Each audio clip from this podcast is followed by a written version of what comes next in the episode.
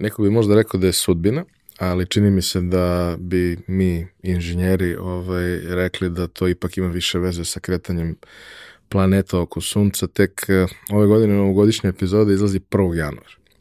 Što znači da ste vi već proživeli novogodišnju noć i nadam se da ste se lepo proveli za doček i da ste proslavili i da će one sve stvari koje su se dešavale, a nisu bile sjajne u 2022. godini, ostati za nama i da je ovaj reset koji se dešava ovaj kalendarski da će biti reset i što se tiče tih negativnih stvari, da će ono dobro što se dešavalo da ostane sa nama i u 2023. godini. Uh, 2022. je bila izuzetno izazovna po mnogo kriterijuma. I za mene lično i pa i za pojačalo kao projekat, a siguran sam i za mnogi od vas jer sam sa nekima bio u kontaktu i primetio da mi je zapravo mnogo više ljudi pisalo u prethodnoj godini nego onima koje su bile pre toga sa izuzetkom onog perioda ovaj, kada je bio COVID, kada ste zaista mnogo vas je pisalo i mnogima od vas je trebala neka vrsta saveta, utehe, podrške ili makar nekog da vas sasluša, da imate kome da se izjadate i sa kim da podelite celu situaciju. Napravili smo još jednu stvar ovaj, nekoliko dana pre nove godine, pitao sam vas sve kroz društvene mreže, što moje lične, što pojačala, da pošaljete neke teme na koje želite da se osvrnem i stiglo je dosta predloga, naravno ne mogu ovaj, obraditi sve te teme i ima tu i tema o kojima iskreno nemam ništa posebno da kažem, jer nisu nešto što spada u domen mog interesovanja, ali odebrao sam nekoliko, to ću u kasnijoj fazi ove skraćene novogodišnje epizode da, da uradim, ali za početak bih hteo da napravim jednu retrospektivu podcasta.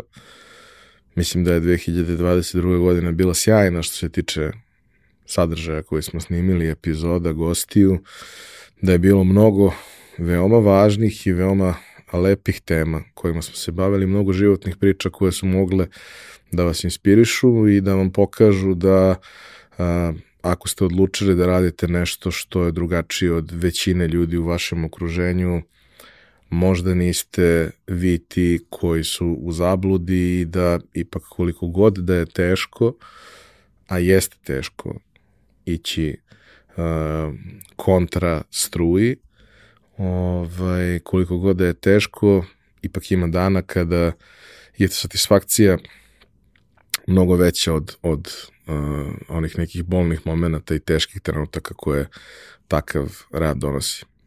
2022. godina je bila godina u kojoj smo svi osetili realno posledice inflacije.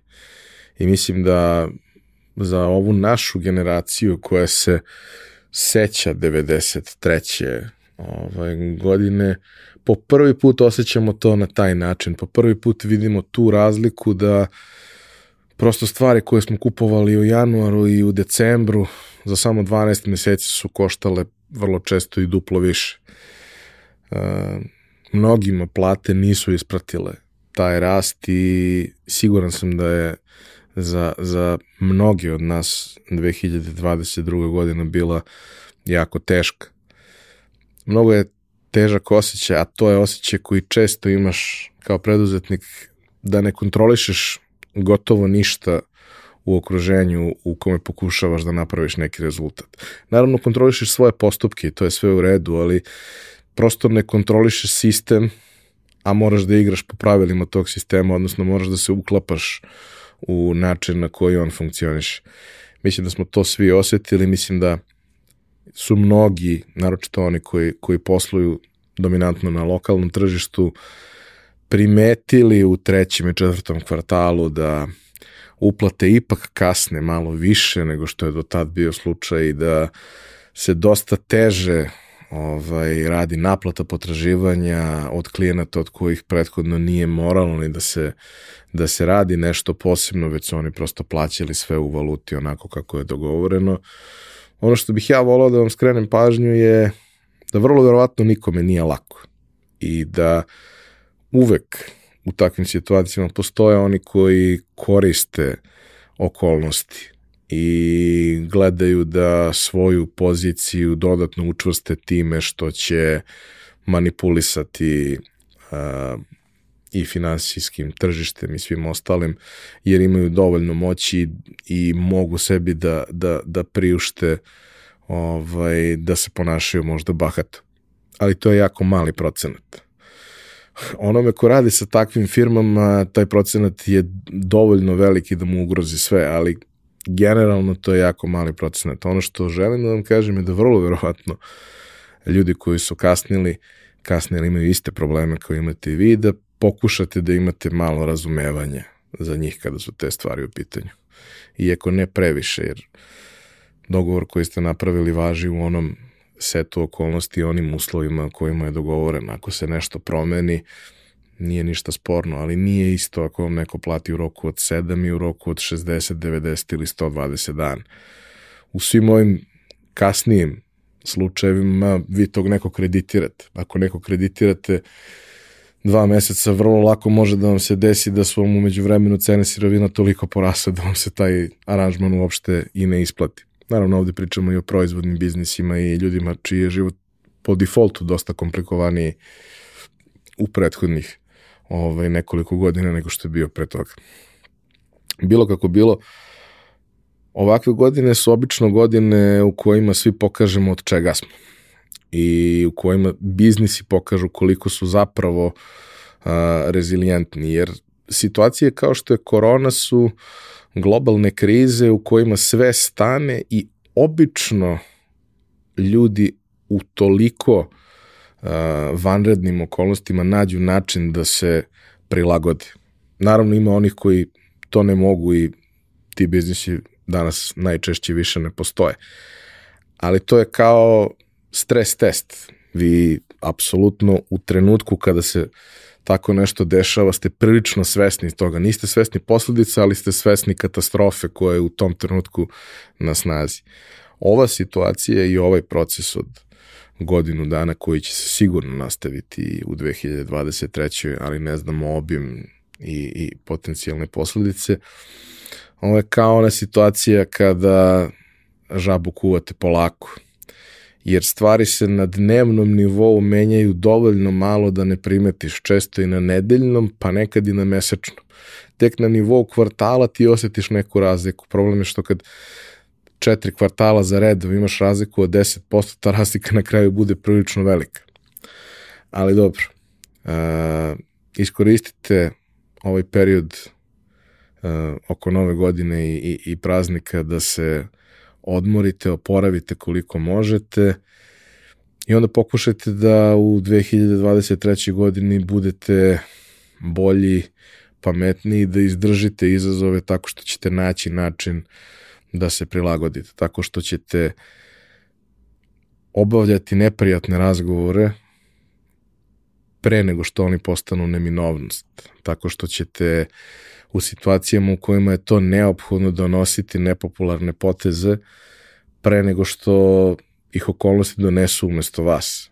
Jer ja često imam te pomalo brutalne ovaj, pomalo brutalna poređenja i metafore, ali um, gangrena je problem, ali ako ju uhvatite na vreme, možda ćete ostati bez prsta. Ako ne uhvatite na vreme, neće vas biti. Tako je, nažalost, i sa problemima poslovanja. Vrlo lako se stvari akumuliraju i pređu obim onoga što je moguće rešiti na neki relativno miran, pitom način, relativno bezbolan način. Ne postoje bezbolne stvari kada je ovako nešto u pitanju, ali svakako postoje stvari koje boli više i manje. Što se pojačala tiče, kažem, prethodna godina je bila dobra, interesantna, meni lično je bilo na momente dosta teško da uklopim pojačalo kao realno neprofitan projekat ovaj, i hobi u moje, moje redovnu radnu rutinu, ali uspeo sam i apsolutno planiram da nastavim sa tim iz razloga pre svega što je pojačalo nešto što meni mnogo znači i što meni, ne mogu da kažem daje smisao, ali doprinosi tome da u životu radi malo više stvari koje smatram da imaju smisao, a ne samo one koje su možda profitabilne, jer jeli, na kraju dana od nečega mora da se kupi ta kisela voda. Ovaj, očekivanja su velika, bližimo se, vrlo smo blizu 200. epizodi i to onda u realnosti znači četiri godine kontinuiranog rata. To je dosta. A, brojke neko bi rekao da možda nisu impresivne, ja iskreno mislim da su prilično dobre uzevši u obzir način na koji mi to radimo. Mi smo kroz podcast, odnosno ja sam kroz podcast suštinski od početka pravio lektiru za one bolje đake koji nemaju problem da pročitaju ili poslušaju nešto što je malo obimnije. Zato što mislim da je to jedini način da shvatite celu sliku i da zaista razumete kontekst, a ne samo rezultat i posledice toga svega. Ti razgovori koje sam vodio sa, sa gostima do sada su zaista intimne priče ljudi i za tako nešto je potrebno vreme i potrebno je poverenje i okolnosti u kojima su ljudi spremni da to podele. E, zaista mislim da je ovo, ovih četiri godine, e,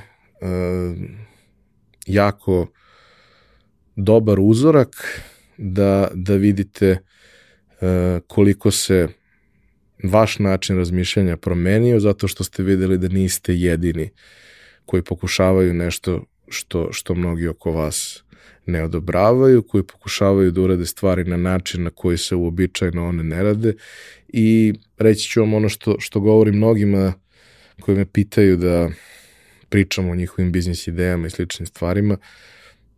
Neke stvari za mene imaju smisla, neke stvari za mene nemaju smisla. Ako ste me pozvali da pričamo o tome, ja ću vam reći šta je moje iskreno mišljenje o tome. Dakle, ako mislim da to nema smisla, ja ću vam to svakako reći. Zašto? Zato što mislim da je moja obaveza, ako sam pozvan, da to podelim. Ono što je zapravo mnogo važnije je da li to za vas ima smisla. I da po tom pitanju budete iskreni sa sobom i da budete svesni toga koliko je potrebno da žrtvujete i koliko je potrebno da uložite da bi došli do, do onoga čemu težite. Ukoliko nešto za vas ima smisla, potpuno je nebitno da li za nekoga od nas koji to gledamo sa strane ima ili nema vrlo često biznis ideje koje nisu instant, zahtevaju neko vreme i zahtevaju da na neki način i vi sebi i drugima dokažete koliko u to verujete.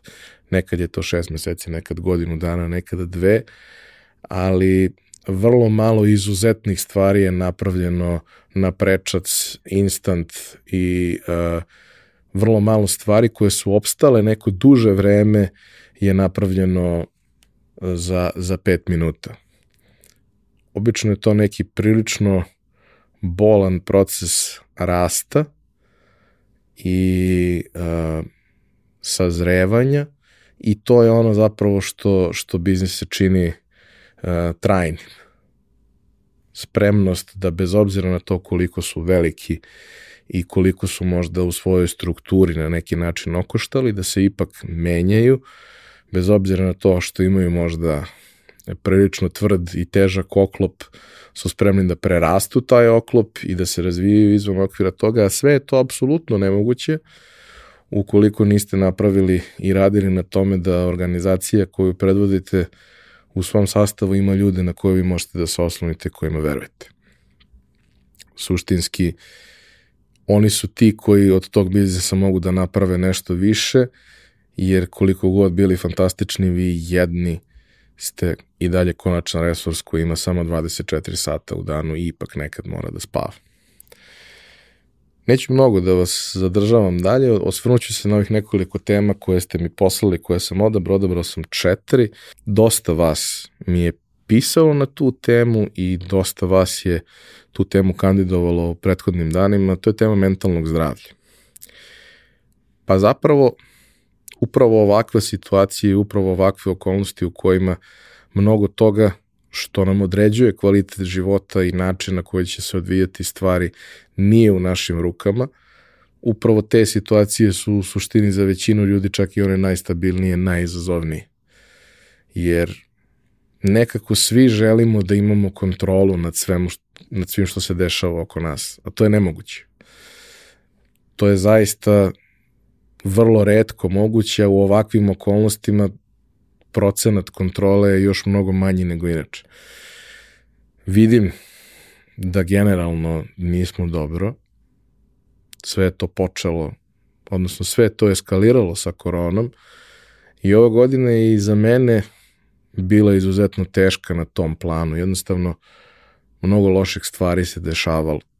Ne preterano mnogo dobrih, ali loših je bilo na svakom koraku i to su uglavnom bile one situacije gde koliko god pokušao da budeš racionalan, jednostavno u nekom trenutku kažeš sebi pa ovo zaista nije fair, ovo nije trebalo da se desi, ovo nije bilo ovo nije moralo da se desi na ovaj način ili ovo nije moralo da se desi ovoj osobi ili kako god.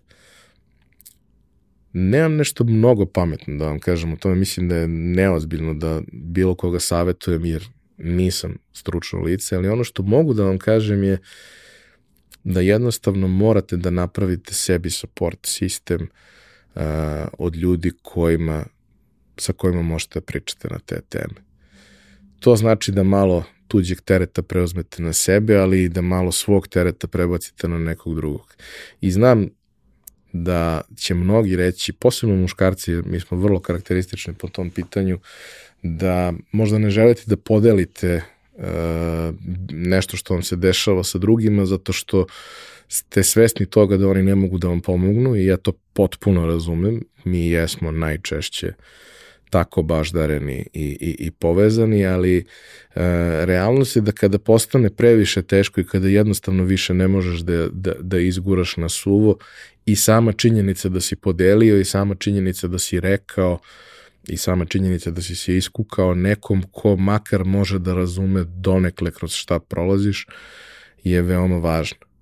To je nešto na čemu moramo da radimo, jer uh, činjenica jeste da je pritisak od grumena uglja stvorio dijamant, ali mnogo grumenja je pretvoreno u prašinu u tom procesu, a samo mali deo njih je završio kao, kao dijamant. I upravo zbog toga neka logika nalaže da se ne oslanjamo baš na tu statistiku i da ne verujemo da ćemo biti u tih 0,01 procenat ili koliko već, jer ako verujete u tako nešto, onda svi vaši problemi mogu da budu rešeni već na sledećem loto izvlačenju. Bavite se sobom, bavite se svojim mentalnim zdravljem ukoliko je potrebno, ukoliko vidite da ne možete sami, potražite pomoć stručnog lica, to nije sramota i to je nešto što je neophodno ukoliko želite da kroz ovo prođete bez većih posledica. Uh, jednostavno ova količina stresa i loših stvari koje se dešavaju na neki način mora da se kanališe dalje. Možete vi da je držite u sebi neko vreme, ali posledice toga će verovatno biti neki problemi sa sistemskim zdravljem i sličnim stvarima, a to je nešto što jednom kada ovde dođe vola, mnogo je teško i gotovo nemoguće popraviti ga. Druga tema koju ste hteli da se dotaknem je tema IT industrije gde se ona nalazi sada.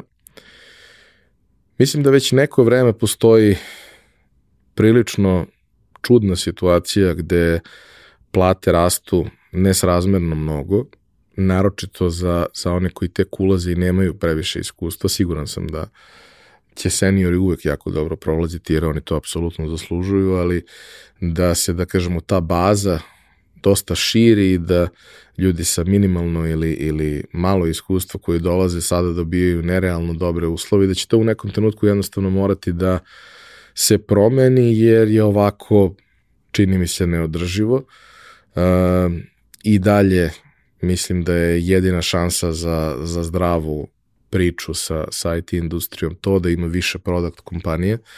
Njih svakako kod nas E, ne mnogo i nisu u većini, naročito nisu u većini ako pričamo o radnoj snazi, jer većina zapravo product kompanija koje rade neke super stvari ne spada u one najmnogobrojnije IT kompanije kod nas. Um, iskreno očekivao sam da ova godina bude dosta teža za IT industriju i da možda čak tokom njoj ovaj, i taj bubble koji se formirao pukne, međutim zbog cele situacije moj utisak sa, sa ratom Rusije i Ukrajine. To se nije desilo jer je Ukrajina koja je veliko outsourcing tržište automatski postala nedostupna, što je onda značilo traženje raznih vrsta alternativa gde smo mi jeli, jedna od boljih koje, koje neko može da, da, da dobije. Tako da to malo prolongiralo stvari i mislim da ukoliko se nešto značajno ne promeni, da ćemo imati tu situaciju da a, se a, stvari lagano stabilizuju na ovom nivou, a da onda možda čak krene i a, neki talas smanjenja plata. Ne mislim da ćemo imati situaciju koja se dešava u Sjedinjenim državama gde a, velike kompanije otpuštaju radnike. Mislim da je to stvar njihove ekonomije i ogromnog broja zaposlenih sa jako visokim platama koje te kompanije imaju, a koje su zbog celokupne situacije bile manje profitabilne u toku ove godine.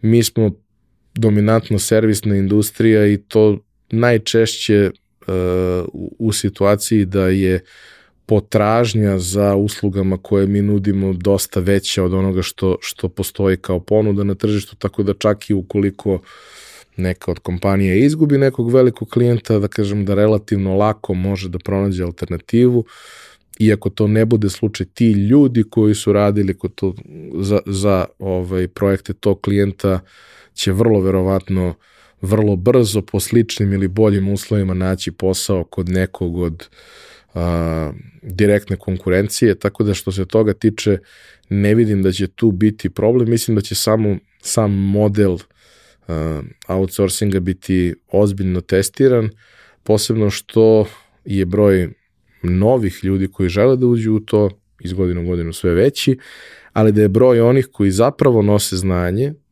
onih najkvalitetnijih pojedinaca, sve manji kada pričamo o, o ljudima koji su zainteresovani da ostanu u takvim kompanijama i da rade na tim vrstama projekata.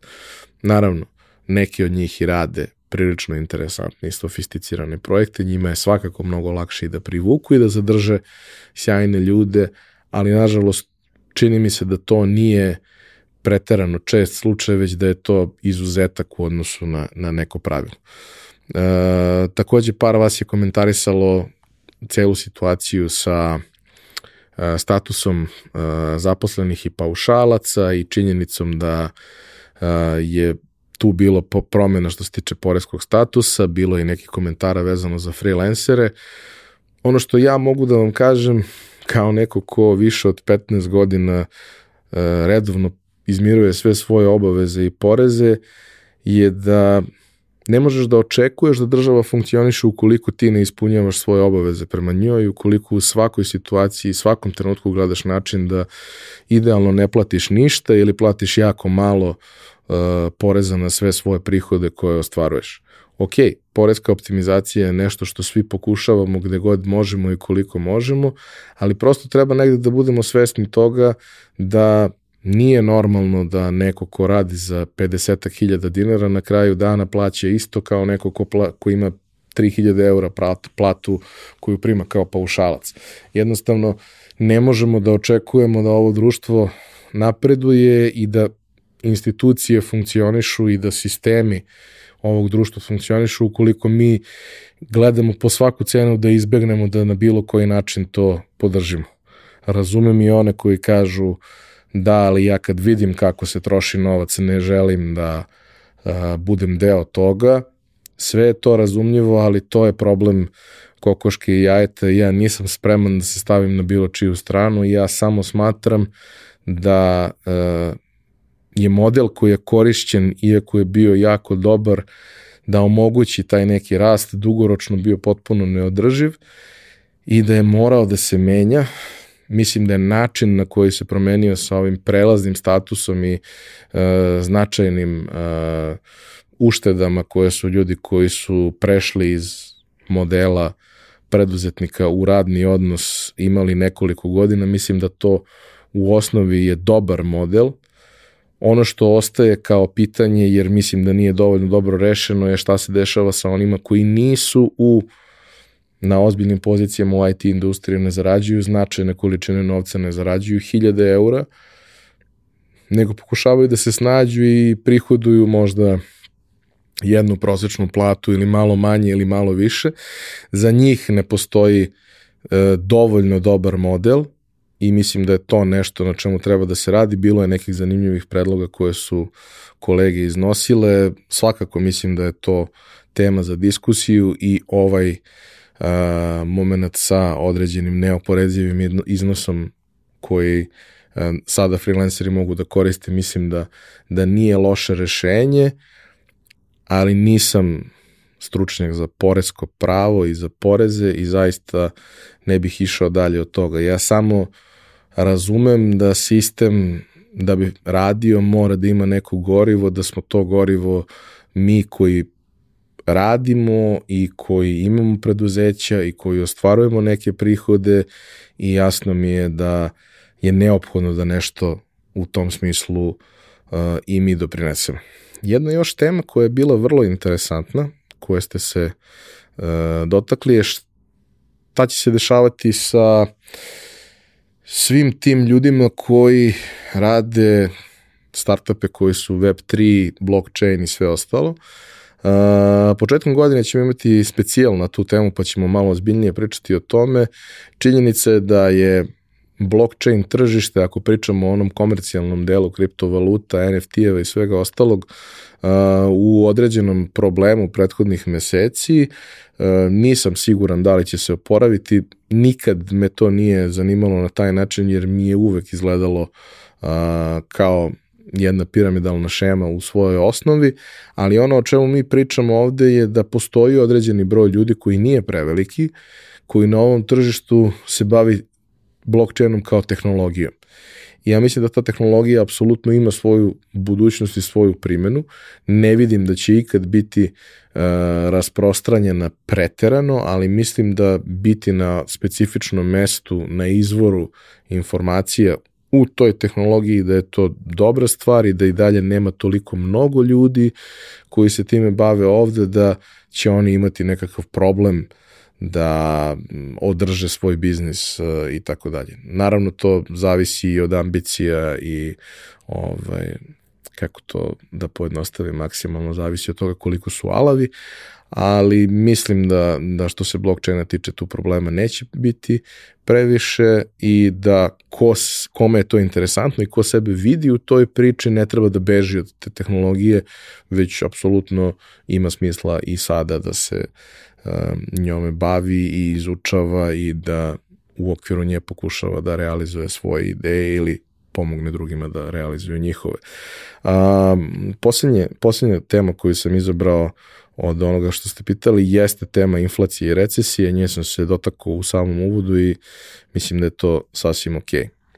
Ono što možda čekate od početka, ovaj, to je e, mnogogodišnji pokloni koje smo pripremili. Sad, prethodnih godina ja sam čitao šta sve tu ima i koji su popusti i sve. Mislim da je to previše naporno, obimno i da nema potrebe to da radimo. Ono što ću vam reći je da smo sa prijateljima, kolegama sa kojima smo i prethodnih godina sarađivali i nekim novima napravili dogovore da imate neke značajne popuste zato što ste naši slušaoci.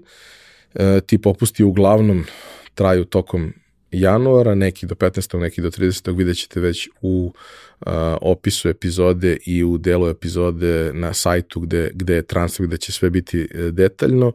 Pobrojat ću vam sa kim smo napravili sve ove godine saradnju, čisto da, da imate u vidu, a detalje toga možete naći u opisu. Dakle, ove godine popuste daju Excel Grašić, Nikolina Andrić, Finesa, KP knjige, Strahinja Ćalović, Dimak, PCI, odnosno uh, NLP edukacije Tanja Vojtehovski, Level Up, Live škola WordPressa, Krojačeva škola, Fabrika fotografa, Toxin Fox, Homepage Academy, Karolina Herbut, online umetnička škola, kao i izdavači Buka, knjižara Roman i naši omiljeni lifestyle clothing brandovi Dečko Car i Škrabac. Sve detaljnije informacije možete naći na, uh, u opisu epizode i na, na našem sajtu. Uh, takođe, pošto je par vas to pitalo, a nemam običaj da pravim giveaway u epizodama, u jednom periodu smo to radili, ali sam odustao od toga. Troje vas koji napišu najzanimljiviji odgovor na to šta očekuju od 2023. godine pred prvu epizodu koju budemo pustili u novoj godini nakon nove novogodišnje dobit će po jedan primjerak one moje knjižice koju sam napisao u 2022. o ne baš jednostavnom, ali veoma dobrom čoveku. Iskoristio bih za kraj priliku da vam se zahvalim što ste nas pratili i da kažem da mi je drago što broj vas raste, a e, da su to i dalje neki sjajni ljudi koje mi je uvek drago i da sretnem i da mi se jave. Da vam kažem da vam mi vaša podrška zaista mnogo znači i da ima dana kada to bude prevaga ovaj, e, na stranu da, da je dan bio ok, jer jeste ovo vreme izuzetno izazovno za svakog pa i za mene. I da vam kažem da e, očekujem da u narednom periodu svi vi date svoje predloge koga još da pozovem u pojačalo, osim naravno srđana koji će dolaziti i u novoj godini jer je to neizbežno. Ovaj, jer prosto mislim da e, i do sada su vaši predlozi bili jako dobri, ja ih obično zatražim e, na Instagramu, pa evo predlog da nas i tamo zapratite ako nas ne pratite, a u nove godini planiram tamo negde kada se svi vrate sa odmora da vas ovo pitam i na YouTube-u i na svim ostalim mestima, jer onaj spisak koji sam napisao na početku koji je brojao nekih stotinak ljudi, koji sada broji još nekih stotinak ljudi koje želim da pozovem, e, može da bude mnogo bolji uz vaš doprinos, e, jer dobar deo tih ljudi koje ja želim da pozovem ne mogu da pozovem iz njihovih organizacijonih razloga što nisu u Srbiji, redko dolaze i dosta je teško organizovati se sa njima, a ja zaista jesam otvoren uh, ka ideji da, da uh, tu neku svo, taj neki svoj krug prijatelja, poznanika proširim nekim sjajnim ljudima koje ćete mi vi sugerisati. To bi bilo to za novogodišnju epizodu. Hvala vam još jednom što nas pratite i vidimo se od naredne nedelje u redovnom terminu i formatu.